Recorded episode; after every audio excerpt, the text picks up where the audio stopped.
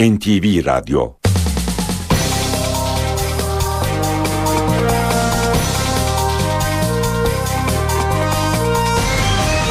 İşe giderken Mutlu sabahlar. Ben Aynur Altunkaş. Bugün 5 Eylül Perşembe işe giderken başlıyor. Saat 9'a kadar birlikte olacağız. Türkiye ve dünya gündemindeki gelişmeleri, gazete manşetlerini, piyasa verilerini, yol ve hava durumlarını aktaracağız. Önce gündemin başlıklarına bakalım. Amerika Birleşik Devletleri Başkanı Barack Obama'nın Suriye'ye askeri müdahale öngören tasarısı Senato Dış İlişkiler Komitesi'nde 7'ye karşı 10 oyla kabul edildi. Gelişmiş ve gelişmekte olan 20 ülkeyi bir araya getirecek G20 zirvesi bugün Rusya'nın St. Petersburg kentinde başlıyor. İki gün sürecek zirvede Başbakan Erdoğan'ın Rusya, Fransa ve Almanya liderleriyle ikili görüşmeler yapması bekleniyor. Türkiye Suriye sınırına zırhlı araç ve askeri personel gönderildi. Gaziantep ve Hatay'da sınıra sevkiyat akşam da devam etti. Türkiye'nin Kahire Büyükelçisi Hüseyin Avni Botsalı Mısır'a geri döndü. Mısır ise Ankara Büyükelçisini göndermedi. Antalya'nın Serik ilçesinde dün öğle saatlerinde çıkan orman yangını genişleyerek sürüyor. A milli basketbol takımı Avrupa Basketbol Şampiyonası'ndaki ilk maçında Finlandiya'ya 61-55 yenildi. Milliler bugün 18.45'te İtalya ile karşılaşacak. Maç NTV Spor'dan canlı yayınlanacak. Sahibinden.com Sahibinden.com trafik durumunu sunar. Sahibinden.com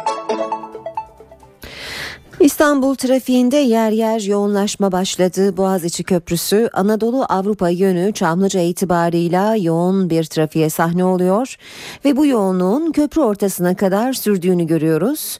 Ters yönde Mecidiyeköy'den sonra başlayan yoğunluk Altunizade'ye kadar devam ediyor. Fatih Sultan Mehmet Köprüsü'nde Anadolu Avrupa yönü Ataşehir itibarıyla yoğunlaşmaya başladı. Çavuşbaşı'na kadar trafik yoğun olarak sürüyor. Kavaca e, yaklaşırken de yine yoğunlaşıyor köprüye kadar devamında açık bir trafik var. Fatih Sultan Mehmet Köprüsü Avrupa Anadolu yönünde ise hiçbir sıkıntı görünmüyor. Anadolu yakası E5 karayolunda Kavş, e, Kartal Kavşağı'nda yoğunluk var. Bostancı Kozyeta arasında yavaşlama başladı.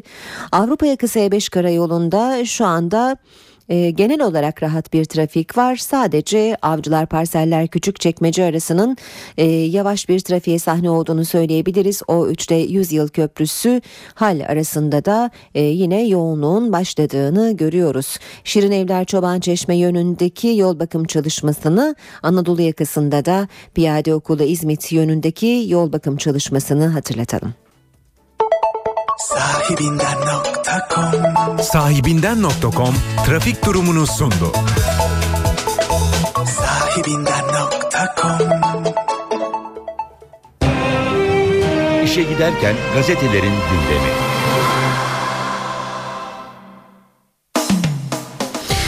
Gündemdeki gelişmelerin gazetelere nasıl yansıdığına bakacağız şimdi. Sabah gazetesiyle başlayalım.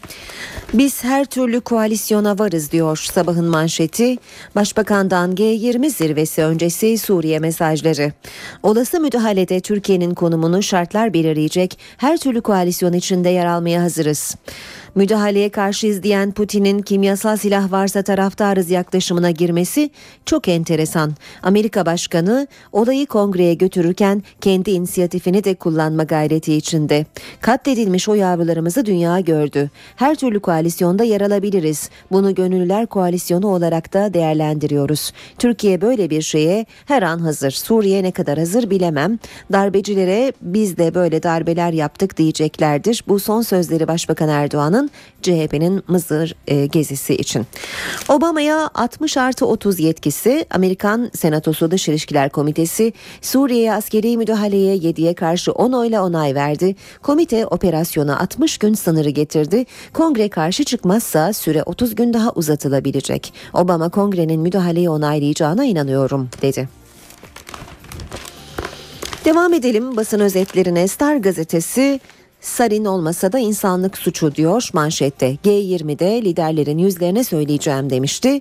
Başbakan Erdoğan, St. Petersburg yolunda Suriye'ye müdahale için kimyasal şartını eleştirdi. Kimyasalı rejim bile kabul etti ama olmasa bile sivilleri katletmek insanlık suçu dedi. Kararlıyım kongre formalite. Amerika Başkanı Obama Suriye'de kimyasal silahları Esad'ın kullandığının çok açık olduğunu söyledi. Obama kongreye sormam sembolik bir hareket. Müdahale sorunu tamamen çözmeyecek ancak 400 çocuğun öldürüldüğünü gördüm. Bunu izlemek ahlaki olmaz dedi. Devam edelim basın özetlerine işe giderken de Hürriyet gazetesine bakalım. Hürriyet'in manşeti AB işin çok zor. Fukushima santralinde radyasyon sızıntısının sanılandan %20 fazla çıkması olimpiyat için İstanbul'da yarışan Tokyo'ya darbe oldu. Başbakan Shinzo Abe olimpiyat komitesini ikna için Arjantin'e uçuyor. 2011'de felaket olmuştu. 9 büyüklüğündeki deprem ve ardından oluşan tsunami Fukushima'da radyoaktif sızıntıya yol açarak Çernobil'den sonra dünyanın en büyük ikinci nükleer felaketine neden oldu. O dönem bölgeden 160 bin kişi tahliye edildi. İki yıl önceki tsunami'de zarar gören santralin tanklarında tespit edilen yeni sızıntının boyutu paniğe yol açtı. Uzmanlar hatalı ölçüm nedeniyle radyasyon seviyesinin sanılandan %20 fazla olduğunu ve insanı 4 saatte öldürebileceğini kaydediyor. Devam edelim yine Hürriyet gazetesinden aktarmaya. 8. sınıfta 12 sınav var. Milli Eğitim Bakanı Nabi Avcı kaldırılan SBS'nin yerine gelen ve liseye geçiş düzen geçişi düzenleyen sınav sistemini anlattı. 8. sınıf öğrencileri fen, matematik, Türkçe, yabancı dil, din kültürü ve ahlak bilgisiyle inkılap tarihinden her dönem bir kez yani toplam 12 kez merkezi sınava girecek. Bu sınavlar 4 seçenekli test şeklinde olacak. Yanlış doğruyu götürmeyecek. Sınav günü okullar tatil olacak. Öğrencilerin kendi sınıflarında farklı öğretmenler gözetiminde gireceği merkezi sınavlar her ders için sene içinde zaten yapılan 4 ya da 6 yazılıdan ikisinin yerini alacak. Merkezi sınav puanlarının %70'i ve 6, 7 ve 8. sınıf başarı puan ortalamasının %30'uyla yerleştirme puanı belirlenecek.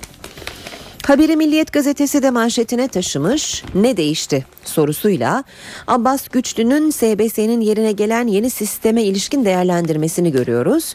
Yeni orta öğretime geçiş sisteminde öğrenciler 3 yıl içinde merkezi sistemle yapılan tam 36 sınava girecek işte ayrı, e, artıları ve eksileri diyor Milliyet. Sistemin dershanelere bağımlılığı azaltacağı söyleniyor ancak görünen o ki tam tersi olacak. 5. ve 6. sınıflar da dershaneye koşacak. Öğrencilerin üzerindeki sınav baskısının azaltılması planlanıyordu. Fakat tam tersi oldu. 36 sınavın güvenliği de kolay değil. Sınavın adil olduğu söylenemez. Okullar arasındaki seviye farkına bakılmadan aynı sınav uygulanacak. Terazinin dengesi iyice bozulacak. Bu sistem şişirilmiş not uygulamasını daha da yaygınlaştıracak. Her okul kendi öğrencisine karnede avantaj sağlayacak, notlara müdahale artacak. Yararı olur. Örneğin okulların başarı sıralaması ortaya çıkar ama getirdiğinden fazlasını götürür diyor Abbas Güçlü bu değerlendirmesinde. Devam edelim. CHP Mısır'a meşru seçim şart diyecek başlığıyla Faruk Loğlu ile Osman Korutürk'ten oluşan CHP heyeti Mısır ziyaretinde Sisi ile görüşmeyecek. Aralarında Müslüman kardeşlerin de olduğu muhataplarına Türkiye'deki darbeleri anlatacak olan CHP'liler bir an önce meşru seçimleri yapın mesajı verecek. Devlerin hüsranı 12 dev adam Avrupa Şampiyonası'ndaki ilk maçında tanınmayacak haldeydi. Çok kötü hücum ettiğimiz karşılaşmada rakibimiz Finlandiya farkı bir ara 19 sayıya kadar çıkardı. Basketbolcularımız madalya umuduyla geldiği turnuvaya 61-55'lik hüsranla başladı. 2020 için ilk tanıtım 2020 olimpiyatlarını düzenleyecek şehrin açıklanacağı toplantıya katılacak olan heyet Buenos Aires'e ulaştı. Tarih yazıyoruz parolasıyla basın davetinin yapıldığı ilk tanıtımda metrobüs, hafif tramvay, boğaz tüp geçidi, metro gibi İstanbul'un ulaşım olanaklarının anlatıldığı bir video gösterisi sunuldu. Cem Kılıç'ın bugünkü yazısından e, birinci sayfaya çıkarılan başlık emeklilik için son 7 yıla dikkat. Pek çok çalışan son 7 yıl kuralını bilmedikleri için kötü sürprizlerle karşılaşıyor. Emekli maaşınızı SSK'nın mı Bağkur'un mu ödeyeceği şu yöntemle belirleniyor. Son 7 yıllık 2520 gün prim ödenen fiili hizmetin yarısından bir gün fazlası yani 1261 gün hangi kurumda geçtiyse emeklilik aylığı oradan bağlanıyor. Geçelim Zaman Gazetesi'ne bir yılda 12 merkezi sınav diyor Zaman manşette. SBS'nin yerine uygulanacak yeni sistem açıklandı. Bu yıl 8. sınıf öğrencileri 6 temel dersten toplam 12 merkezi sınava gelecek. İki günde yapılacak sınavlarda yanlış cevaplar doğruları götürmeyecek. Önümüzdeki sene 6. ve 7. sınıflarda yeni sisteme dahil edilecek. Liselere yerleştirmede sınav ortalamalarının %70'i okul başarı puanı ortalamasının %30'u dikkate alınacak. Devam edelim Cumhuriyet Gazetesi ile 11 yıllık hastalık. Yeşile hasta olan Erdoğan'ın başbakanlığı süresince çevre katliamları hız kesmedi diyor Cumhuriyet manşetinde. Gezi direnişinin çevresiyle ilgili olmadığını, çevreyle ilgisi olmadığını savunurken asıl kendisinin yeşile hayran ve hasta olduğunu söyleyen Erdoğan'ın çevre politikaları keşke olmasaydı dedirtiyor. 2B yasası, HES'ler, 3. köprü ve yol inşaatları için kesilen binlerce ağaç bu hasta politikanın eseri oldu demiş Cumhuriyet gazetesi haberinde. Devam edelim basın özetlerine işe giderken de Müslüman kardeşlerin yer altındaki sözcüsü Amr Darrag'ın açıklamalarını görüyoruz Cumhuriyet'te. Askeri darbenin ardından bazı liderleri tutuklanan kalanları ise yer altına geçen Müslüman kardeşlerin sözcüsü Amr Darrag'a uzun çabalardan sonra Cumhuriyet gazetesi telefonla ulaşabilmiş. Amir Darrak ülkesinde yaşanan iki siyasi güç arasında çekişme değil güvenlik güçlerinin vahşetini protesto olduğunu vurguladı diyor Cumhuriyet gazetesi. Geçelim Yeni Şafak'a. Her seçeneğe hazırlıklıyız diyor Yeni Şafak'ın manşeti. Başbakan Erdoğan Suriye'ye yapılacak müdahalede Türkiye'nin rolüyle ilgili net konuştu. Türkiye'nin operasyondaki konumunu koalisyon şartlarının belirleyeceğini söyleyen Erdoğan, her türlü koalisyonun içinde yer almaya hazırız dedi. Ve radikalle bitirelim basın özetlerini bir yol hikayesi. 1993'teki ilk yol eylemine katılan ODTÜ'lü Ankara temsilcisi Radikal'in Deniz Zeyrek 20 yıllık süreci yazmış. 1993'te Orta Doğu Teknik Üniversitesi'ndeydim. Yol fikri SHP, bugünkü CHP döneminde gündeme geldi ve aynı şiddette tepki çekti. Çıkardığımız Dönüşüm dergisi için üzerinden tekerlek geçmiş ODTÜ amblemi figürünü çizdim. Kapağı süsledi diyor Deniz Zeyrek. O gün karşı çıktığım yolun bugün Ankara'nın trafik sorununa bir neşter atacağını düşünüyorum. Buna karşılık ODTÜ arazisinin içinden geçen yol için tünel yapılmasından yanayım yanındayım. Gökçe'ye sorduğumda maliyeti yüksek demişti. Oysa uzun vadeli düşünmek gerek diye devam ediyor yazısına Radikal Ankara temsilcisi Deniz Zeyrek. G20 zirvesinin başlayacağını hatırlatalım. Rusya'daki zirveye Suriye damga vuracak. Erdoğan, Putin ve Obama kritik görüşmeler yapacak. Gündemin ayrıntılarına bakalım. Öncelikli gündem Suriye. Amerika Başkanı Obama'nın Suriye'ye operasyonu öngören tasarısına Senato'dan onay geldi. Dış İlişkiler Komitesi'nden 3 farkla geçen tasarı gelecek hafta genel kurulda oylanacak. Uh, Senator Murphy. Amerika Birleşik Devletleri Başkanı Barack Obama'nın Suriye'ye askeri müdahaleyi öngören tasarısına ilk onay geldi. Tasarı ABD Senatosu Dış İlişkiler Komitesi'ndeki oylamada 7'ye karşı 10 oyla kabul edildi. Tasarı Obama yönetimine Suriye yönelik askeri operasyon için 30 gün uzatma hakkı dahil 90 gün süre tanıyor. Tasarıda Amerikan askerlerinin Suriye'ye ayak basmayacağı da net bir şekilde ifade ediliyor. Daha önce tasarıyı yeterince kapsamlı bulmadığı için desteklemeyeceğini açıklayan Cumhuriyetçi Senatör John McCain'in de evet oyu verdiği açıklandı. McCain'in Esad yönetimini yıpratma ve muhaliflere geniş çaplı destek sağlanmasını öngören bir paragraf ekletmesinin ardından tasarıyı desteklediği belirtildi. Tasarının gelecek hafta ABD Senatosu Genel Kurulu'nda oylanması bekleniyor. Tasarının Başkan Obama'nın onayına çıkması için ayrıca Temsilciler Meclisi Dışişleri Komitesi ve Temsilciler Meclisi Genel Kurulu'nda da kabul edilmesi gerekiyor. İlk onayın ardından Beyaz Saray'dan Senato'nun Dış İlişkiler Komitesi'ne övgü geldi. Açıklamada ulusal güvenliğimiz açısından böylesi hassas bir konu karşısında hızlı şekilde hareket eden komiteyi takdir ediyoruz denildi. Amerika Dışişleri Bakanı John Kerry, Temsilciler Meclisi Dış İlişkiler Komitesi'nde Suriye ile ilgili konuşurken savaş karşıtları eylem yaptı. Askeri harekat için Amerikalı milletvekillerini ikna etmeye çalışan Kerry'nin konuşması sırasında oturumun yapıldığı salonda protestocular kırmızıya boyadıkları ellerini havaya kaldırdı. Obama yönetimine elleriniz kanlı mesajı veren protestoculara herhangi bir müdahalede bulunulmaması dikkat çekti. Kerry konuşmasında Esad rejiminin elindeki kimyasal silahların ne kadar tehlikeli tehlikeli olduğunu Türkiye ve Ürdün gibi komşu ülkelerin gördüğünü belirtti. John Kerry bu ülkelerin Amerika Birleşik Devletleri'nin verdiği sözleri tutmasını beklediğini vurguladı. Aralarında Türkiye'nin de bulunduğu gelişmiş ve gelişmekte olan 20 ülkeyi bir araya getirecek G20 zirvesi bugün Rusya'nın St. Petersburg kentinde başlıyor. Resmi gündemde vergi reformları ön plana çıksa da zirveye Suriye'ye yönelik askeri müdahale tartışmalarının damga vurması bekleniyor. Zirvede Türkiye'yi Başbakan Erdoğan temsil edecek. Erdoğan'a Başbakan Yardımcısı Ali Babacan ve Dışişleri Bakanı Ahmet Davutoğlu eşlik ediyor. Erdoğan'ın Rusya, Fransa ve Almanya liderleriyle ikili görüşmeler yapması bekleniyor. Zirveyi 3000 basın mensubu takip edecek. Liderlerin güvenliği için 8000 polis görev başında. G20 zirvesi yarın sona erecek. Başbakan Tayyip Erdoğan Rusya'ya hareketinden önce Ankara Esenboğa Havalimanı'nda Suriye'ye dair önemli açıklamalar yaptı. Başbakan Rusya Devlet Başkanı Vladimir Putin'in Suriye konusunda yaptığı son açıklamaları da değerlendirdi.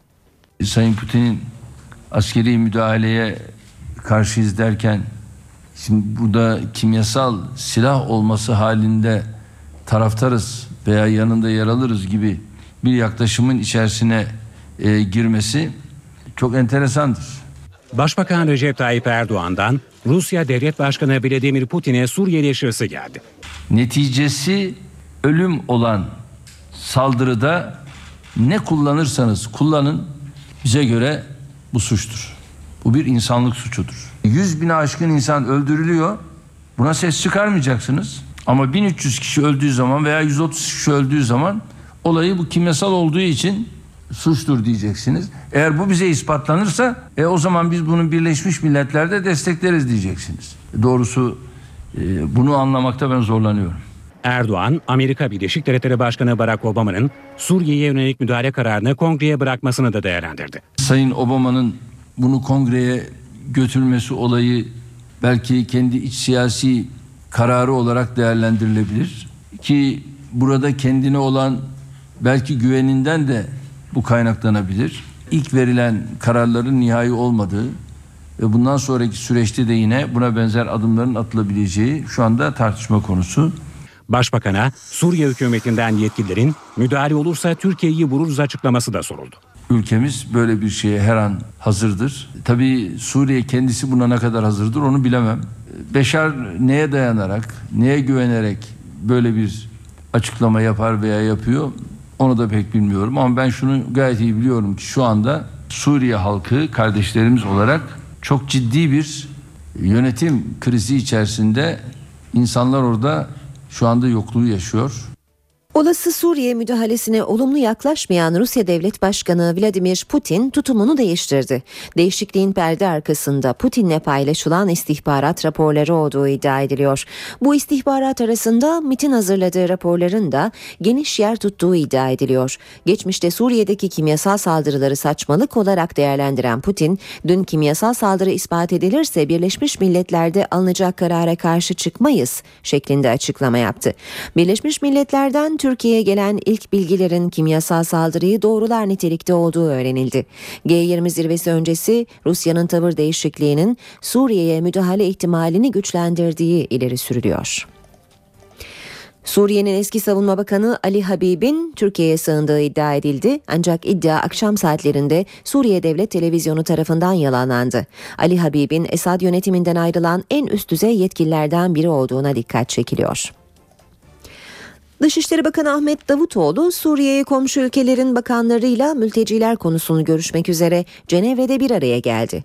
Görüşme sonrası yapılan basın toplantısına Çinli bir gazeteciyle Dışişleri Bakanı Davutoğlu arasındaki diyalog damga vurdu.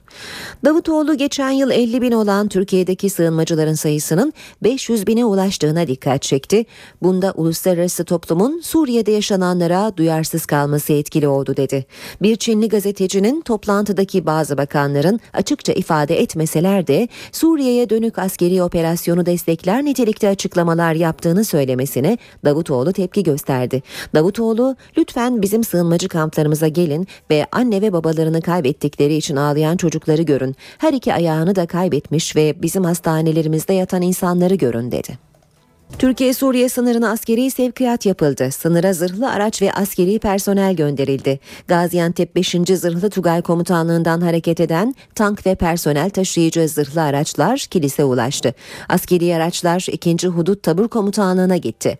Benzer sevkiyat Gaziantep'in Karkamış ve Oğuzeli ilçelerine de yapıldı. Hatay'ın Yayladağ ilçesine de akşam saatlerinde 20 araçlık bir askeri konvoy ulaştı. Aralarında bir ambulansın bulunduğu konvoy 3. Hudut Tabur Komutanlığı'na girdi. Araçlar sınır noktalarında belirlenen yerlere konuşlandırılacak. Suriye'deki çatışmalar nedeniyle Ceylanpınar'daki iki okulun öğrencileri başka bir okula nakledilecek. Çatışmaların sürmesi halinde 3 okulun daha taşınması planlanıyor. İlçede eğitim verecek öğretmenlere de psikolojik destek verilecek. Şanlıurfa Ceylanpınar'da yeni eğitim öğretim yılı Suriye'deki çatışmaların gölgesinde başlıyor. Sınır hattındaki iki okulda eğitim gören yaklaşık 2000 öğrenci başka okullara nakledildi. Mevlana İlköğretim Okulu Ceylanpınar'da sınırın sıfır noktasında çatışmalar sırasında seken onlarca kurşun okulun duvar ve pencerelerine isabet etmiş durumda. Mevlana ve Ceylan İlköğretim Okullarında okuyan öğrenciler sınırdan daha uzak olan İMKB okulunda eğitim görecek. Çocukları göndermiyorlar okullar. Mermi yer izlerini görüyorsunuz okullarda yani. Bu savaştan dolayı ee, annelerimiz babalarımız bizi okula bırakmıyor. Başka okullara gidiyoruz artık. Okula camlara isabet ediyor. Hepsine içeriye giriyor. Durmayan kurşunlar duvarlara sekiyor. Bunlar okulun bahçesine düşüyor. Şanlıurfa İl Milli Eğitim Müdürlüğü Suriye'deki çatışmalar durana kadar öğrencilerin okullarına dönmesine izin vermeyecek. Ceylanpınar'da alınan önlemler öğrenci nakliyle sınırlı değil öğretmenlerimize yönelik, öğrencilerimize yönelik okullar açılır açılmaz ilk haftadan başlayarak psikolojik eğitim destekleri vereceğiz. Risk durumunda ilçedeki 3 okulun da taşınması gündemde. Ayrıca çatışmalar yüzünden okullar tatil edilirse öğrencilere hafta sonları telafi eğitimleri düzenlenecek. Mısır başlığına geçelim. CHP'nin Mısır'a yapacağını açıkladığı ziyaret başkente polemik konusu oldu. Başbakan Tayyip Erdoğan ziyareti eleştirdi. Ana muhalefetin yanıtı gecikmedi. CHP'den gidecek olanların ne Irak'a ne Mısır'a verebileceği hiçbir şey yoktur. Olsa olsa alabileceği bir şey vardır. Mısır'da darbe yönetimine işte biz de böyle darbeler yaptık veya böyle darbelerin arkasında bulunduk. Bunlar noktasında bir paylaşımı olabilir. CHP'nin Irak'ın ardından Mısır'a yapacağı ziyaret siyasette yeni bir polemik başlattı. Başbakan Recep Tayyip Erdoğan'ın geziye yönelik eleştirilerine CHP Genel Başkan Yardımcısı Gürsel Tekin yanıt verdi. Bize darbeci diyen Sayın Başbakan'ın darbelerde bir tek mağduriyeti var mı? Başbakanın bilmesi gereken şu ki Türkiye sahipsiz değildir. Sizin kırdığınız, döktüğünüz yanlışlarınızı ancak ve ancak ciddi devlet geleneği olan Cumhuriyet Halk Partisi gibi bir parti toparlayabilir. Başbakan Kayre Büyükelçisi Hüseyin Avni Botsalı'nın Mısır'a geri dönmesini de değerlendirdi. Bizim büyükelçimizi müzakereler için buraya çağırmış olduğumuzu unutmayın. Bunun ardından da kendisini tekrar gönderiyoruz. Ama Mısır'daki şartlar çok daha farklı istikamette gelişirse durumu yeniden farklı bir şekilde değerlendiririz. CHP'nin Mısır'a düzenleyeceği ziyaretin ayrıntıları da belli oldu. CHP heyeti Mısır Dışişleri Bakanı Nebil Fehmi, hükümet yetkilileri ve Müslüman kardeşler yöneticileriyle bir araya gelecek. CHP Genel Başkan Yardımcısı Faruk Doğulu'yla Osman Korutürk'ün bulunacağı heyet devrik lider Mursi ile de görüşmek istiyor. Heyet halen gözaltında tutulan iki Türk gazetecinin serbest bırakılması için de girişimde bulunacak. Türkiye'nin Kahire Büyükelçisi Hüseyin Avni Botsalı Mısır'a geri döndü. Türk Hava Yolları'na ait bir uçakla akşam Ankara'dan İstanbul'a gelen Botsalı gece Kahire'ye hareket etti. Büyükelçi Havalimanı'nda bir açıklamada bulunmadı. Botsalı 16 Ağustos'ta Türkiye'ye geri çağrılmıştı. Türkiye ile eş zamanlı Büyükelçisini geri çağıran Mısır aynı adımı atmıyor. Mısır Dışişleri Bakanlığı Sözcüsü Türkiye'nin Mısır'ın iç işlerine müdahalesi durmadıkça elçimiz Ankara'ya dönmeyecek dedi.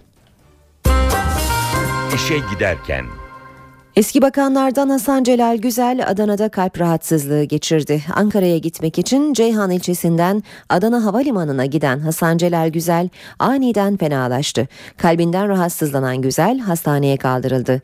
Bir süre müşahede altında tutulan eski bakan ambulans uçakla Ankara'ya gönderildi. Amerika Birleşik Devletleri Başkanı Barack Obama'nın Suriye'ye askeri müdahale öngören tasarısı Senato Dış İlişkiler Komitesi'nde 7'ye karşı 10 oyla kabul edildi.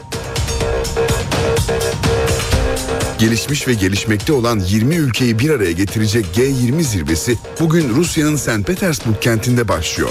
İki gün sürecek zirvede Başbakan Erdoğan'ın Rusya, Fransa ve Almanya liderleriyle ikili görüşmeler yapması bekleniyor. Türkiye Suriye sınırına zırhlı araç ve askeri personel gönderildi. Gaziantep ve Hatay'da sınıra sevkiyat akşam da devam etti. Türkiye'nin Kahire Büyükelçisi Hüseyin Avni Botsalı Mısır'a geri döndü. Mısır ise Ankara Büyükelçisini göndermedi.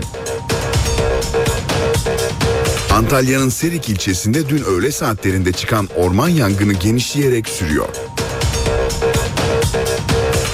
A milli basketbol takımı Avrupa Basketbol Şampiyonası'ndaki ilk maçında Finlandiya'ya 61-55 yenildi. Milliler bugün 18.45'te İtalya ile karşılaşacak. Maç NTV Spor'dan canlı yayınlanacak.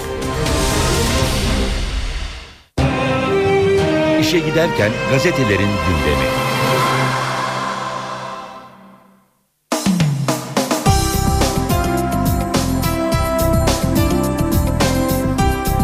Gündemde G20 zirvesi, yeni sınav sistemi, Avrupa Basketbol Şampiyonası ortak başlıklar.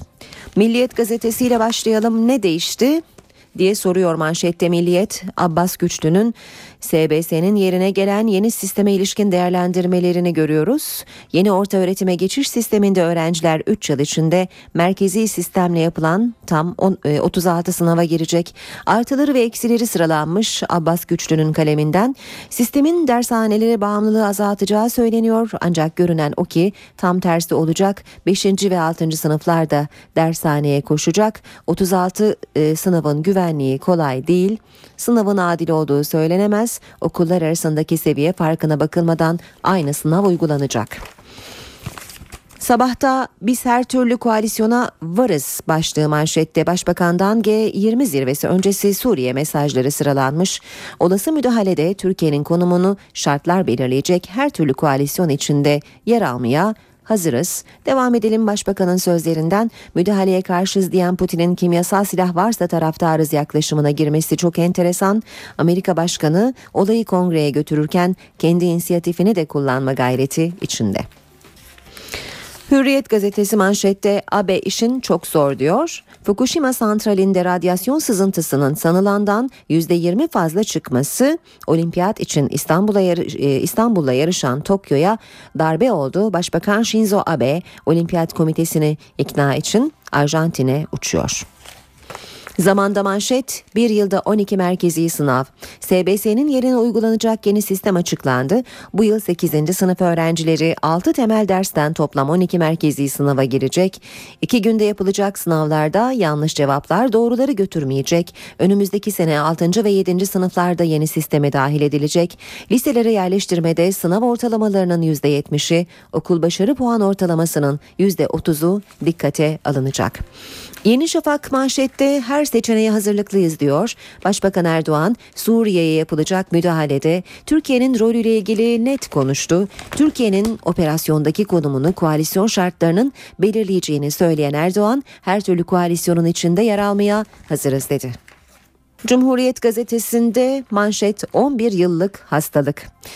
Yeşile hasta olan Erdoğan'ın başbakanlığı süresince çevre katliamları hız kesmedi diyor Cumhuriyet manşette. Gezi direnişinin çevreyle ilgisi olmadığını savunurken asıl kendisinin yeşile hayran ve hasta olduğunu söyleyen Erdoğan'ın çevre politikaları keşke olmasaydı dedirtiyor. 2B yasası, HES'ler, 3. köprü ve yol inşaatları için kesilen binlerce ağaç bu hasta politikanın eseri oldu. Şimdi gazetelerden spor haberleri aktaracağız. Önce Hürriyet gazetesine bakalım. Hürriyet'ten okuyacağımız ilk başlık. Bugünleri de gördük. Eurobasket'teki ilk maçımızda grubun en zayıf ekiplerinden Finlandiya'ya yenildik. Skor 61-55. Avrupa Şampiyonası'na madalya hedefiyle giden Devlerimiz sahada adeta kayboldu. İlk sayısını 7. dakikada buldu. Bir ara 19 sayı geriye düştü. %54 ile faul atınca da hüsran kaçınılmaz oldu. Bogdan Tanyevic'in açıklamalarını görüyoruz. Rakibimize hiç saygı duymadık başlığıyla Tanyevic Finlandiya'ya gereken saygıyı duymadıkları için kaybettiklerini söylerken maç sonu eleştiri oklarının hedefi oldu.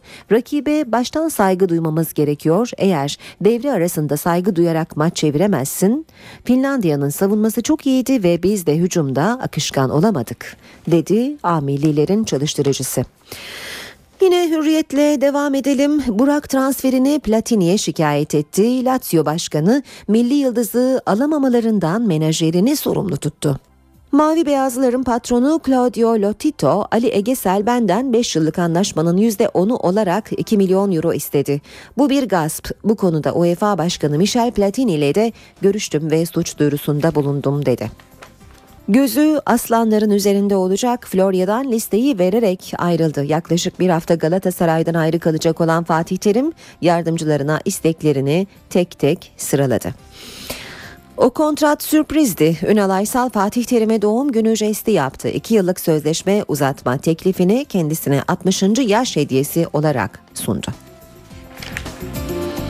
İmparator 60 dedi. Terim'in doğum günü milli takım kampında kutlandı. Tecrübeli hocaya yeni yaşı olan 60 numaralı forma hediye edildi. Devam edelim Hürriyet'ten yine. Temennim 5 halka ile dönmek. Bakan Kılıç 7 Eylül'deki olimpiyat oylaması öncesi son durumu değerlendirdi. Suat Kılıç adaylar içinde olimpik harekette en büyük değişimi yaratacak şehrin İstanbul olduğunu söyledi. Ev sahipliğini alırsak Türkiye tam bir spor ülkesi haline gelecek dedi. Fry Kartal'a doğru Beşiktaş kadrosuna katmak için yoğun çaba harcadığı Kerim'in kulübü Fulham'ı ikna etti. Transfer bugün ya da yarın bitecek.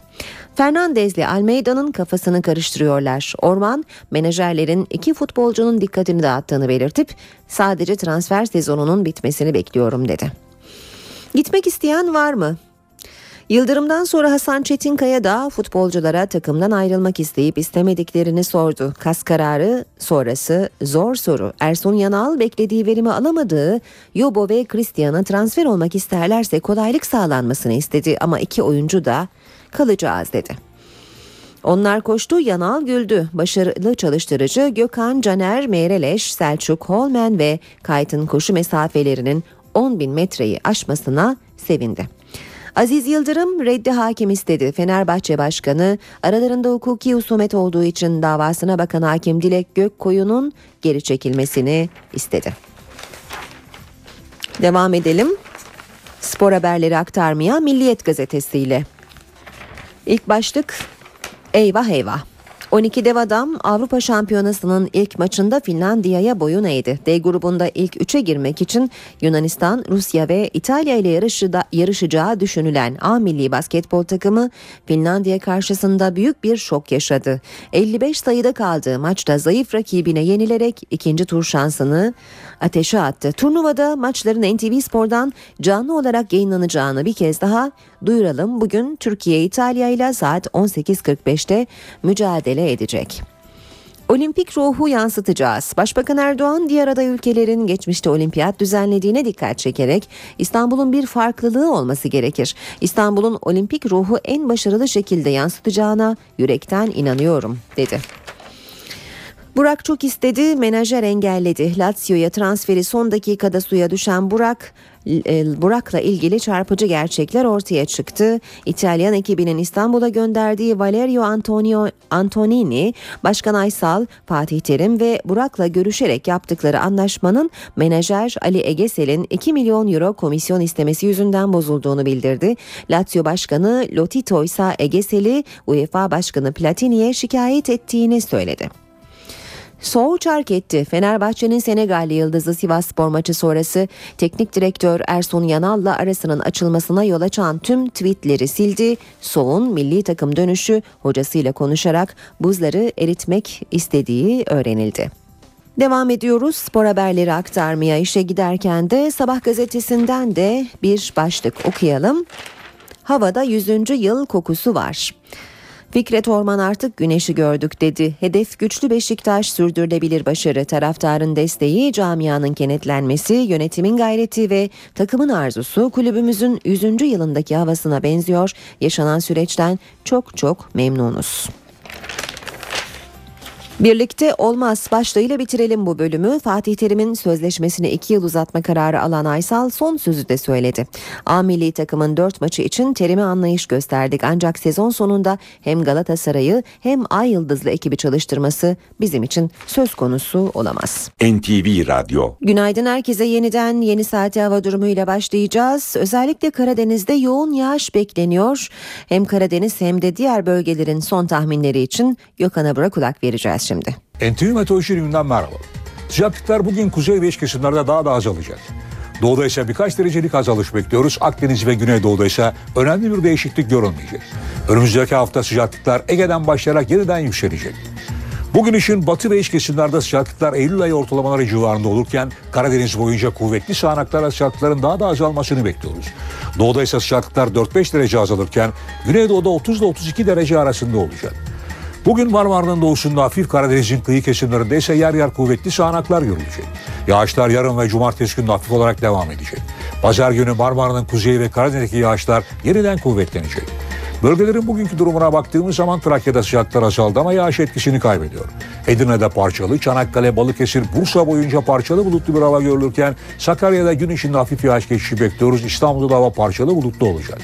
Ege'de sıcaklıklarda birkaç derecelik azalış var. İzmir, Muğla, Denizli arasında açık az bulutlu. Kütahya, Afyonkarahisar'da ise gün içinde hava parçalı bulutlu olacak. Akdeniz'de sıcaklıklarda önemli bir değişiklik beklemiyoruz. Isparta açık az bulutlu, Antalya, Mersin, Adana boyunca da hava genellikle açık az bulutlu olacak.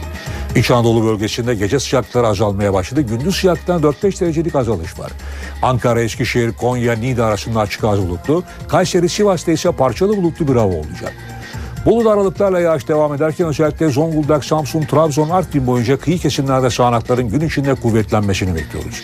Malatya parçalı bulutlu, Erzurum, Kars arasında hafif yağış geçişi görülürken Van çok bulutlu, Hakkari'de hava parçalı bulutlu olacak. Gaziantep, Adıyaman, Diyarbakır, Şanlıurfa, Mardin boyunca açık az bulutlu bir hava olacak. Gaziantep'te sıcaklık 29 derece olarak ölçülecek. İstanbul'da bugün yağış beklemiyoruz. Hava parçalı bulutlu. Sıcaklık gündüz 26, gece ise 16 derece hatta yer yer 15 derece olacak. Ankara az bulutlu ama serin. Sıcaklık gündüz 23, gece ise 10 derece olacak. İzmir'de hava güneşli ama kuvvetli Poyraz serinletiyor. Sıcaklık ise gündüz 29, gece 18 derece olacak.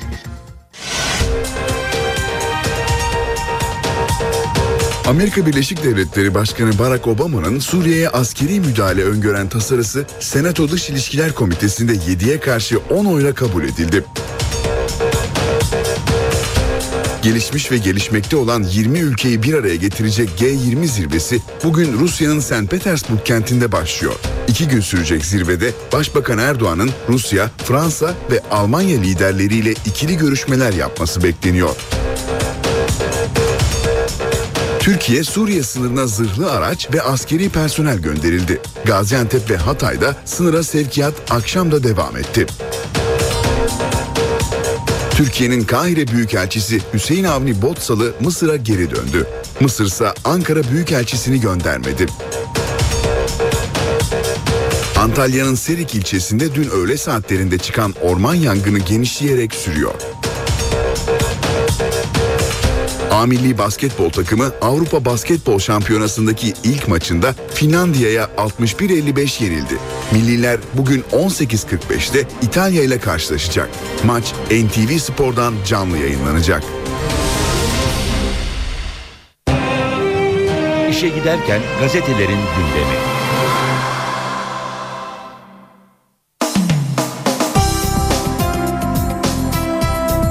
Gündemdeki gelişmelerin gazetelere yansımalarına bakalım. Şimdi de özellikle e, yeni sınav sistemi G20 zirvesi İstanbul'un 2020 olimpiyat adaylığı Suriye gibi başlıkları e, görüyoruz gazetelerde. Sabah gazetesinde biz her türlü koalisyona varız diyor manşet Başbakan'dan G20 zirvesi öncesi Suriye mesajları. Erdoğan olası müdahalede Türkiye'nin konumunu şartlar belirleyecek her türlü koalisyon içinde yer almaya hazırız dedi. Erdoğan'ın konuşmasından bazı başlıkları sıralayalım. Müdahaleye karşıyız diyen Putin'in kimyasal silah varsa taraftarız yaklaşımına girmesi çok enteresan. Amerika Başkanı olayı kongreye götürürken kendi inisiyatifini de kullanma gayreti içinde. Katledilmiş o yavrularımızı dünya gördü yeni delil gerekmez. Her türlü koalisyonda yer alabiliriz bunu gönüllüler koalisyonu olarak da değerlendiriyoruz. Esad'ın savaş tehdidine karşı Türkiye böyle bir şeye her an hazır Suriye ne kadar hazır bilemem dedi Başbakan Erdoğan. Obama'ya 60 artı 30 yetkisi. Amerika Senatosu Dış İlişkiler Komitesi Suriye'ye askeri müdahaleye 7'ye karşı 10 oyla onay verdi. Komite operasyona 60 gün sınırı getirdi. Kongre karşı çıkmazsa süre 30 gün daha uzatılabilecek. Obama kongrenin müdahaleyi onaylayacağına inanıyorum dedi. Devam edelim başlıklara Milliyet Gazetesi ile ne değişti? Abbas Güçlü'nün SBS'nin yerine gelen yeni sisteme ilişkin değerlendirmelerini görüyoruz. Yeni orta öğretime geçiş sisteminde öğrenciler 3 yıl içinde merkezi sistemle yapılan tam 36 sınava girecek. Artıları ve eksileri sıralanmış haberde. Yeni sistemin Sistemin dershaneleri bağımlılığı azaltacağı söyleniyor. Ancak görünen o ki tam tersi olacak. 5. ve 6. sınıflar da dershaneye koşacak. Öğrencilerin üzerindeki sınav baskısının azaltılması planlanıyordu fakat tam tersi oldu. 36 sınavın güvenliği de kolay değil. Sınavın adil olduğu söylenemez. Okullar arasındaki seviye farkına bakılmadan aynı sınav uygulanacak. Terazinin dengesi iyice bozulacak.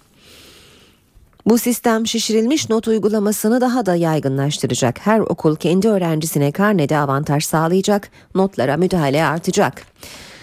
Yararı olur örneğin okulların başarı sıralaması ortaya çıkar ama getirdiğinden fazlasını götürür. Abbas Güçlü'nün yeni sisteme ilişkin değerlendirmeleri böyle.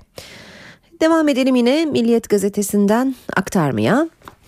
2020 için ilk tanıtım. 2020 olimpiyatlarını düzenleyecek şehrin açıklanacağı toplantıya katılacak olan heyet Buenos Aires'e ulaştı. Tarih yazıyoruz parolasıyla basın davetinin yapıldığı ilk tanıtımda metrobüs, hafif tramvay, boğaz tüp geçidi, metro gibi İstanbul'un ulaşım olanaklarının anlatıldığı bir video gösteri sunuldu. Devlerin hüsranı 12 dev adam Avrupa Şampiyonası'ndaki ilk maçında tanınmayacak haldeydi. Çok kötü hücum ettiğimiz karşılaşmada rakibimiz Finlandiya farkı bir ara 19 sayıya kadar çıkardı. Bas, e, basketbolcularımız madalya umuduyla geldiği turnuvaya 61-55'lik hüsranla başladı. Bugün turnuvada Türkiye'nin 18.45'te İtalya ile karşılaşacağını ve maçın NTV Spor'dan canlı olarak yayınlanacağını hatırlatalım. Hürriyetle devam ediyoruz. Abe işin çok zor diyor Hürriyet manşette. Fukushima santralinde radyasyon sızıntısının sanılandan %20 fazla çıkması olimpiyat için İstanbul'da yarışan Tokyo'ya darbe oldu. Başbakan Shinzo Abe olimpiyat komitesini ikna için Arjantin'e uçuyor. İki yıl önceki tsunami'de zarar gören santralin tanklarında tespit edilen yeni sızıntının boyutu paniğe yol açtı. Uzmanlar hatalı ölçüm nedeniyle radyasyon seviyesinin sanılandan %20 fazla olduğunu ve insanı 4 saatte öldürebileceğini kaydediyor. Devam edelim yine Hürriyet gazetesinden aktarmaya. Yavuz'un ayakları büyüdü. İstanbul Boğazı'nın 3. köprüsü Yavuz Sultan Selim'in ayakları ve yol güzergahı artık uçaklardan rahatlıkla görülebiliyor. Garipçe ile Poyrazköy arasında 3 milyar dolara yap işlet devlet modeliyle inşa edilecek köprü ve Kuzey Marmara Otoyolu inşaatı devam ediyor. İçtaş Astaldi Konsorsiyumu projenin 3 yılda tamamlanmasını planlamış ancak Başbakan 2 yılda bitirme sözü almıştı. Zaman gazetesine bakalım. Bir yılda 12 merkezi sınav diyor zamanın manşeti. SBS'nin yerine uygulanacak yeni sistem açıklandı. Bu yıl 8. sınıf öğrencileri 6 temel dersten toplam 12 merkezi sınava girecek. İki günde yapılacak sınavlarda yanlış cevaplar doğruları götürmeyecek. Önümüzdeki sene 6 ve 7. sınıflarda yeni sisteme dahil edilecek. Liselere yerleştirmede sınav ortalamalarının %70'i, okul başarı puanı ortalamasının %30'u dikkate alınacak.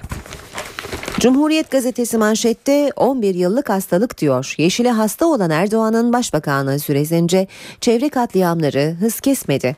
Gezi direnişinin çevreyle ola, e, ilgisi olmadığını savunurken asıl kendisinin yeşile hayran ve hasta olduğunu söyleyen Erdoğan'ın çevre politikaları keşke olmasaydı dedirtiyor. 2B yasası, HES'ler, 3. köprü ve yol inşaatları için kesilen binlerce ağaç bu hasta politikanın eseri oldu demiş Cumhuriyet. Bir başka başlık Müslüman kardeşlerin yer altındaki sözcüsü Amş Darrag'ın açıklamalarını içeriyor. Askeri darbenin ardından bazı liderleri tutuklanan, kalanları ise yer altına geçen Müslüman kardeşlerin sözcüsü Amr Darrag'a uzun çabalardan sonra e, Cumhuriyet gazetesi telefonla ulaşabilmiş. Amr Darrag ülkesinde yaşananın iki siyasi güç arasında çekişme değil güvenlik güçlerinin vahşetinin protesto olduğunu vurgulamış. Yeni Şafak gazetesi her seçeneğe hazırlıklıyız diyor. Manşetinde Başbakan Erdoğan Suriye'ye yapılacak müdahalede Türkiye'nin rolüyle ilgili net konuştu. Türkiye'nin operasyondaki konumunu koalisyon şartlarının belirleyeceğini söyleyen Erdoğan her türlü koalisyonun içinde yer almaya hazırız dedi. Star, Sarin olmasa da insanlık suçu diyor manşette. G20'de liderlerin yüzlerine söyleyeceğim demişti Başbakan Erdoğan. Erdoğan, Petersburg yolunda Suriye'ye müdahale için kimyasal şartını eleştirdi. Kimyasalı rejim bile kabul etti ama olmasa bile sivilleri katletmek insanlık suçu dedi. Şimdi Radikal gazetesine de bakalım. Bir yol hikayesi diyor manşet. 1993'teki ilk yol eylemine katılan ODTÜ'lü Ankara temsilcisi Radikal'in Deniz Zeyrek 20 yıllık süreci yazmış. 93'te ODTÜ'deydim. Yol fikri SHP bugünkü CHP döneminde gündeme geldi ve aynı şiddete tepki çekti. Çıkardığımız dönüşüm dergisi için üzerinden tekerlek geçmiş ODTÜ amblemi figürünü çizdim. Kapağı süsledi diyor Deniz. O gün karşı çıktığım yolun bugün Ankara'nın trafik sorununa bir neşter atacağını düşünüyorum. Buna karşılık ODTÜ arazisinin içinden geçen yol için tünel yapılmasından yanayım. Gökçe'ye sorduğumda maliyeti yüksek demişti. Oysa uzun vadeli düşünmek gerek. Ankara gündemi. Başkent gündemi için Murat Barış Koralp karşımızda. Murat günaydın. Günaydın Aynur. Günlerdir 28 Şubat davasını izliyorsun. İstersen bununla başlayalım. Neler oldu? Özellikle e, dün çıkan kararlar ve bugünkü beklentileri soralım sana. Bugünkü beklentiyle başlayalım. 28 Şubat davasına bakan Ankara 13. Ağır Ceza Mahkemesi davanın 36 tutuklu sanığının tahliye taleplerini bugün karara bağlayacak. İki gün evvelki duruşmada eski jandarma genel komutanı Teoman Koman'ı tahliye etmişti. 37 tutuklu sanık vardı. Böylelikle 36'ya düşmüştü. Bugün tahliye kararları e, bir şekilde karara bağlanacak. En önemli gündem maddesi bugüne dair bu. Dün neler oldu kısaca onu da hatırlayalım. İddianamenin okunması devam ediyor. Oldukça uzun bir iddianame var. 1309 sayfalık bir iddianameden bahsediyoruz. Yaklaşık 170 sayfası okunabildi ancak bu 4 günlük 3 günlük mesaide. Mahkeme e, davanın dördüncü gününde tutuklar tahliye talepleri için bugün savunma yapacaklar. Mahkeme başkanı sanıklara ve avukatlarına savunma için süre verecek ancak bu sürenin sınırlı olduğunu belirtti mahkeme başkanı. Bunun verimli kullanılması gerektiğini, sanık sayısının da yüksek olması nedeniyle e, bir güne sığması için verimli kullanılması gerektiğini istedi. 28 Şubat davasının 3. gününde mağdur avukatı Mustafa Polat, eski jandarma genel komutanı Teoman Koman'ın tahliye kararına itiraz etti. Mahkemede bu itirazı reddetti. Mahkemede mağdur avukatlarla sanıklar arasında bir de tehdit gerilimi yaşandı. Davanın sanıklarından emekli Orgeneral Çevik Bir'in Teoman Koma'nın tahliye kararına itiraz eden avukat Mustafa Polat'a tırnak içinde bu karara bile itiraz ettin eve rahat gidebilecek misin dediği iddia edildi. Bunun üzerine avukat Mustafa Polat Çevik Bir hakkında yapacağı suç duyurusunun tutanaklara geçirilmesini istedi. Ancak mahkeme heyeti bu isteği tehdidi biz duymadık diyerek reddetti.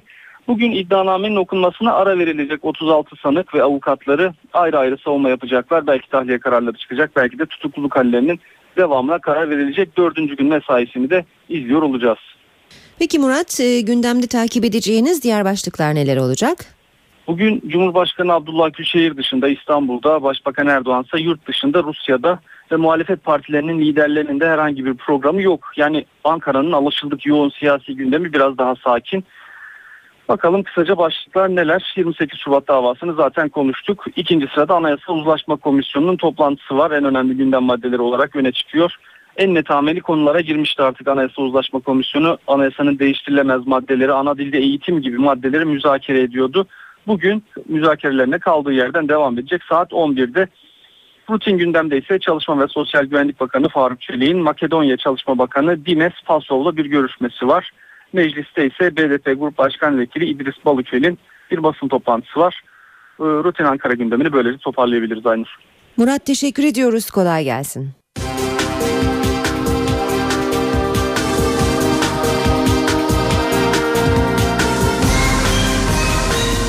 İşe giderken Yüz binlerce öğrenci ve velilerini ilgilendiren yeni sistem dün açıklandı. Bu yıl 8. sınıf öğrencileri 6 temel dersten toplam 12 merkezi sınava girecek.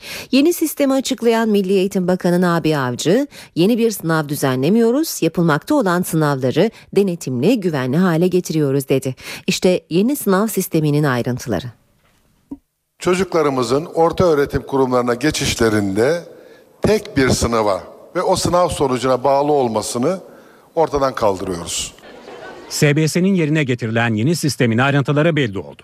Artık 8. sınıfta fen ve teknoloji, matematik, Türkçe, yabancı dil, din kültürü ve ahlak bilgisiyle inkılap tarihi ve Atatürkçülük derslerinin sınavlarından birer tanesi Milli Eğitim Bakanlığı'nca merkez olarak yapılacak. Yine sınıflarında çocuklarımız o sınava girecekler, o yazılıya girecekler.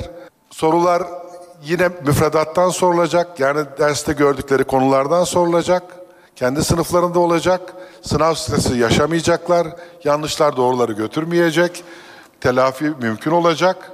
Bu yazılı sınavları daha denetimli hale getiriyoruz. Merkezi sınav bu sene yalnızca 8. sınıflar için yapılacak. Önümüzdeki seneden itibaren 6. ve 7. sınıflar için de geçerli olacak. Öğrencinin 6, 7 ve 8. sınıf yıl sonu başarı puanlarının ortalamasının %30'uyla 8. sınıfta merkezi olarak yapılacak sınav puanının %70'i toplanacak. Ortaya yerleştirmeye esas puan çıkacak. Çocuklar sınıflarda yazılılara giriyorlar. Yazılılar var. Yaptığımız bu yazılılardan birer tanesini her dönemde birer tanesini daha kontrollü bir biçimde yapmak. Sınavlar iki okul gününe yayılacak. O günlerde okullar tatil edilecek. Sorular test yöntemiyle sorulacak. Dört yanlış bir doğruyu götürmeyecek. İleriki yıllarda açık uçlu sorular da içerecek. Merkezi sınavlarda öğretmenler kendi okullarından farklı bir okulda görev alacak. Yüksek rağbet gören devlet liseleri ve kolejler de yeni sisteme dahil olacak. Kendilerini özel sınav yapamayacak. Geçerli bir mazereti nedeniyle merkezi sınava giremeyen öğrenciler için mazeret sınavı yapılacak. Öte yandan Milli Eğitim Bakanı Nabi Avcı, sınavla öğrenci alan okullarda boş kalan kontenjanlar dolana kadar kayıtların açık tutulacağını belirtti kontenjanları doldurmak için kayıt sisteminin sürekli güncellendiğini söyledi. Seviye belirleme sınavı yerine uygulanacak yeni sınav sistemi ne getiriyor ne götürüyor? Uzmanlar yeni sistemi NTV'ye değerlendirdi. SETA Eğitim Koordinatörü Bekir Gür ve Türk Eğitim Derneği Genel Başkanı Selçuk Pehlivanoğlu'nun görüşlerinin yer aldığı haberimizi dinleyelim. Seviye belirleme sınavının yerine geçecek yeni sistem belli oldu. Peki sistemin artı veya eksileri neler? NTV'ye konuşan uzmanlara göre telafi sınavı büyük bir avantaj. Öğrencilerin kendi okullarında sınava girecek olması, telafi imkanlarının olması tek bir sınavın oluşturduğu baskıyı azaltacaktır. Bu sistemin en güçlü tarafı. Ancak uzmanlar sınav sayısının artması nedeniyle sistemin iyi organize edilmesi gerektiğini savunuyor. Tabi bunun dezavantajları da var. Yani 12 tane sınav yapmanın bir takım lojistik sıkıntıları da e, muhtemeldir. E, dolayısıyla bakanlığın önümüzdeki aylarda bu konuya ciddi anlamda mesai ayırması lazım. Bunu hazırlık yapması lazım. Eğer lojistik iyi ayarlanmazsa telafi hakkı olarak avantaj olarak gelen şeyler bazı yerlerde maalesef dedikodularla dezavantaja dönüşebilir. Çünkü kolay bir lojistikten bahsetmiyoruz. O zaman da e, üniversite sınavında olduğu gibi e, sınavın güvenliği diye işi çok abartılı noktada getirebilir ve sisteme zarar verebiliriz. Milli Eğitim Bakanı Nabi Avcı yeni sistemle öğrencilerin dershaneye ihtiyacının kalmayacağını söylemişti. Uzmanlar bu görüşe katılmıyor. Asıl itibariyle e, merkezi sınav sayısı e, artmıştır. E, ve bize göre e, dershane ihtiyacını eğer çözümlemeleri sıralama sınavından ölçme sınavına şey yapmazsak e, dönüştürmezsek dershane ihtiyacını arttırabilir. İsmen kapatmayı hedeflediğimiz dershaneler e, daha büyük bir şekilde eskiden olduğu gibi ortaya çıkabilir. Uzmanlar sistemin kalıcı olmasının önemine de vurgu yaptı. Okulların açılmasına az bir süre kala çarşı pazar hareketlendi. Veliler üniforma telaşında. Yeni eğitim öğretim yılı 16 Eylül'de başlıyor. Birinci sınıf öğrencileri için ilk dersi de bir hafta daha önce 9 Eylül pazartesi günü çalacak. Öğrenci ve velilerde okul alışverişi telaşı var. Peki bir öğrencinin üniforma alışverişi ne kadar mal oluyor? Birinci sınıfa gidiyor. E, Kendisi etek, gömlek ve hırka olmak üzere takım e, bu şekilde oluştu. Gömleği 20 lira, hırkası 35 lira, eteği de 35 lira. Toplam bir takım 90 liraya mal oldu. Geçen seneyle bu sene arasında fiyat farkı olmadı. Bu sene okulların serbest e, kalması diye bir söylenti çıkmıştı. Çoğu firma okul bu sene için hazırlık da yapmadı. Elinde olan malları satıyor. Okullardaki üniforma belirsizliği hem velileri hem de mağaza sahiplerini zora soktu. İnşallah üniforma devam eder çünkü öbür türlü çok daha büyük sıkıntı veliler için. Her gün ne giyeceğim, işte nasıl alışveriş yapacağız o dert daha büyük. Öğrenciler ne giyecek bilmiyor. Müdür de şaşkın, ben de şaşkın, yönetici de idareci de. Bize bir geçiş hakkı versinler. 3 sene kılık kıyafet elimizdeki malları tüketiriz. Kumaşı var, malzemem var, hazırmış dikilmiş mallarım var. Bunları ben bu şekilde ne yapabilirim? Öğrencilerin okullara serbest ya da üniformalı gitmesi okulların tercihine bırakıldı. Her okul velilere de danışarak kıyafet konusunda nihai kararı verecek. Gıda, Tarım ve Hayvancılık Bakanlığı ürün doğrulama ve takip sistemini hayata geçirmeye hazırlanıyor. Sistemle tüketiciler gıdaların içeriğini kısa mesajla öğrenebilecek. Uygulamanın adı Ürün Doğrulama ve Takip Sistemi. Bu sistemle alkollü içecekler, takviye edici gıdalar, enerji içecekleri, bebek mamaları, bal, bitkisel sıvı yağlar ve siyah çay gibi ürün gruplarının içeriğini öğrenmek kolaylaşıyor. Tüketiciler satın aldıkları ürün üzerindeki etiketi kısa mesajla sorgulayarak içeriğini, firmasını ve son kullanma tarihinin geçip geçmediğini öğrenebilecek. Sistemle Gıda, Tarım ve Hayvancılık Bakanlığı'nın herhangi bir nedenle bir ürün hakkında alacağı piyasadan toplatma kararından da tüketicilerin haberi olacak. Sistem sayesinde ürün etiketi üzerinde bulunması zorunlu olan ancak bazı tüketicilerin okumakta zorluk çektiği bilgilere ulaşmak kolaylaştırılacak. Ürünün piyasaya sürülmesinden sonra etiket ya da ambalaj üzerinde yapılabilecek bilgi değiştirmeye yönelik her türlü müdahalenin de önüne geçilmiş olacak. Sistem, internet, mobil uygulamalar, SMS ve otomatik sesli yanıt sistemiyle tüketicinin sorgulama talebine cevap verecek. Şehir içinde hız limitinin 90 kilometreye yükseltilmesi yeni bir tartışma başlattı. Ulaştırma Bakanı Binali Yıldırım kademeli sistem önerdi. Uzmanlarsa farklı noktalara farklı hız sınırı uygulamasından yana. Hız sınırı düzenlemesi tartışma konusu. E5'te muhakkak 90'ı çıkmalı. Ben yanlış buluyorum. Şehir içinde 90 kilometre çok fazla. Müsait bir yol yok ki zaten insanlar hız yapsın. Emniyet Genel Müdürlüğü yeni bir düzenlemeyle yerleşim bölgeleri içinde hız sınırını 90 kilometreye çıkaran düzenleme hazırladı. Ancak bu öneriye temkinli yaklaşanlar var. Bu isimlerden biri de Ulaştırma Bakanı Binali Yıldırım. Yıldırım hız sınırı kademeli olarak artırılmalı, her yerde farklı hız sınırı olmalı dedi. Kademeli hız sınırı önerisi destek gören bir yaklaşım. E5'te bazı kesimlerde var. Normal şu an 70 zaten. 90'a çıkarma şansı var. Çünkü yayayla etkileşim yok. Yapabilirsiniz. Şehir içinde hız arttırmak yayalar açısından çok tehlikeli. Neden? Hız arttıkça işte 90'a çıktığını kabul edelim. 50 hızla çarpmak başka 50 kilometre saat hızla çarpılma. 90'la bir yaya çarpıldığı zaman ölüm riski çok daha yüksek. Peki yüksek hız trafik sıkışıklığına çözüm olur mu? Hız yükseltmek trafik sıkışıklığına çare değildir. Artı yükseltirseniz de ölümlü kazalara neden olabileceksiniz. İstanbul Teknik Üniversitesi Ulaştırma Anabilim Dalı öğretim üyesi doçent doktor Murat Ergün'ün de görüşlerini dinledik. İşe giderken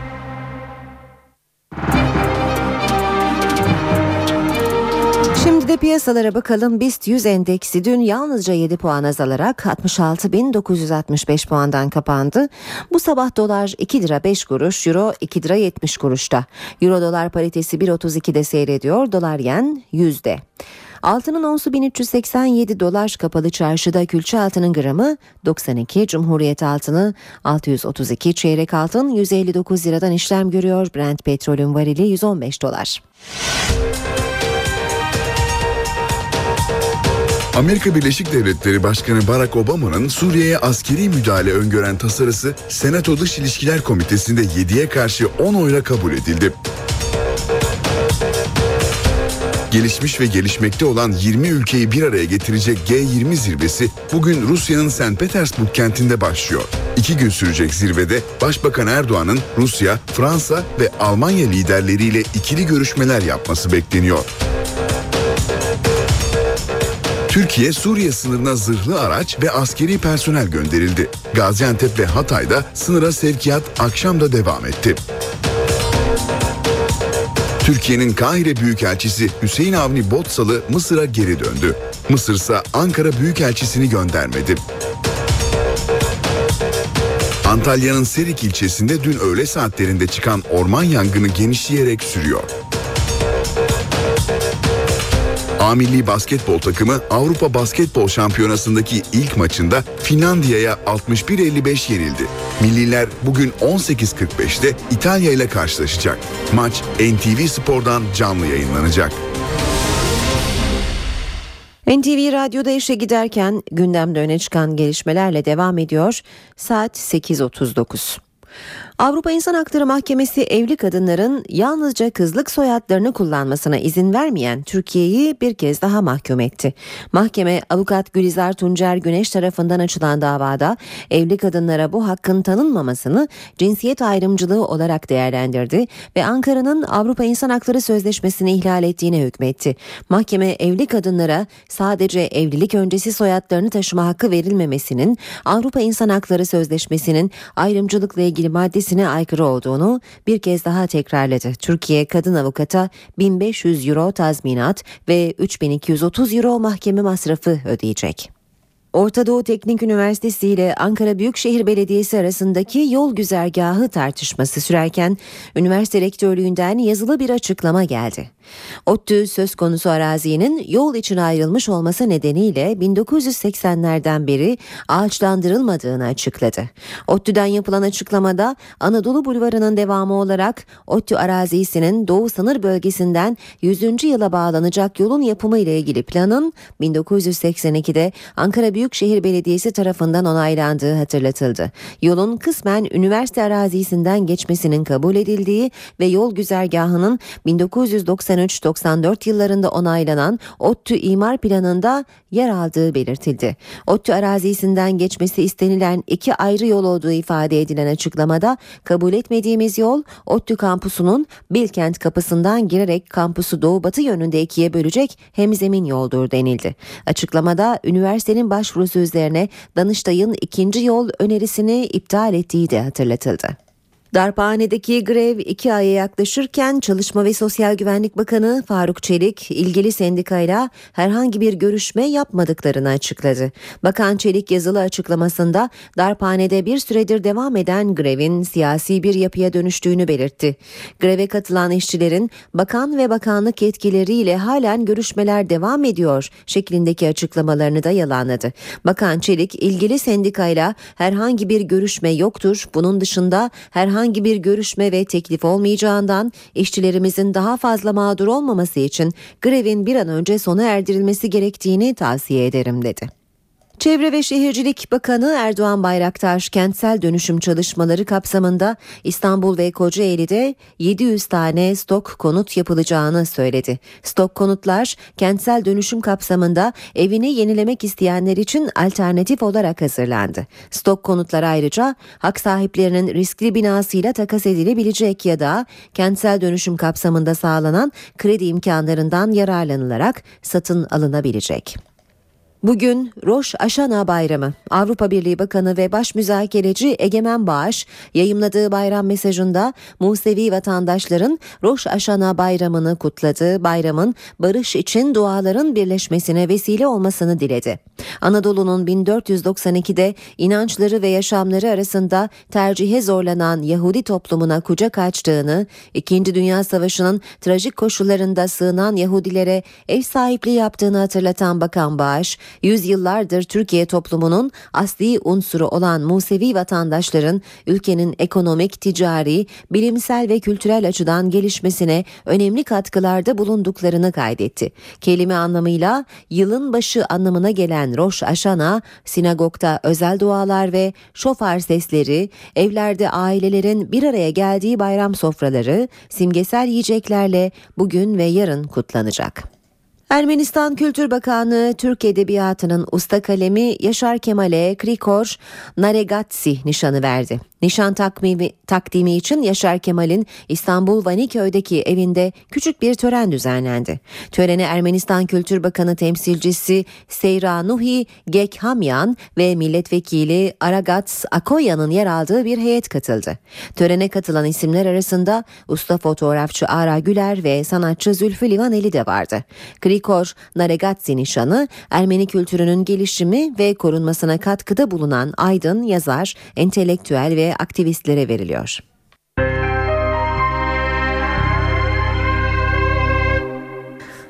A milli takım Avrupa Basketbol Şampiyonası'na kötü başladı. Milliler dün Finlandiya'ya 61-55 yenildi. Bugünkü maç saat 18.45'te İtalya ile. Maç NTV Spor'dan canlı yayınlanacak. Milli takım baş antrenörü Bogdan Tanjevic Finlandiya karşısında alınan yenilgiyi rakiplerini küçümsemelerine bağladı. 12 dev adam Finlandiya karşısında alınan yenilginin üzüntüsü içinde. Baş antrenör Bogdan Tanjevic yenilginin en önemli nedeni olarak rakiplerini küçümsemelerini gösterdi. Rakibimizi küçümsemeden sahaya çıkmalıydık. Rakibe devre arasında saygı duyarak maçı çeviremezsiniz. Bence en büyük sorun buydu. Tanjevic hücumda kötü olmalarından çok Finlandiya'nın savunmada çok iyi olduğunu savundu. Milli basketbolcu Oğuz Savaş ise henüz her şeyin bitmediğini vurguladı. Finlandiya baş antrenörü Henrik Detman ise iyi mücadele ettiklerini, şanslarının da yardımıyla ülke tarihinin en önemli galibiyetlerinden birini aldıklarını söyledi.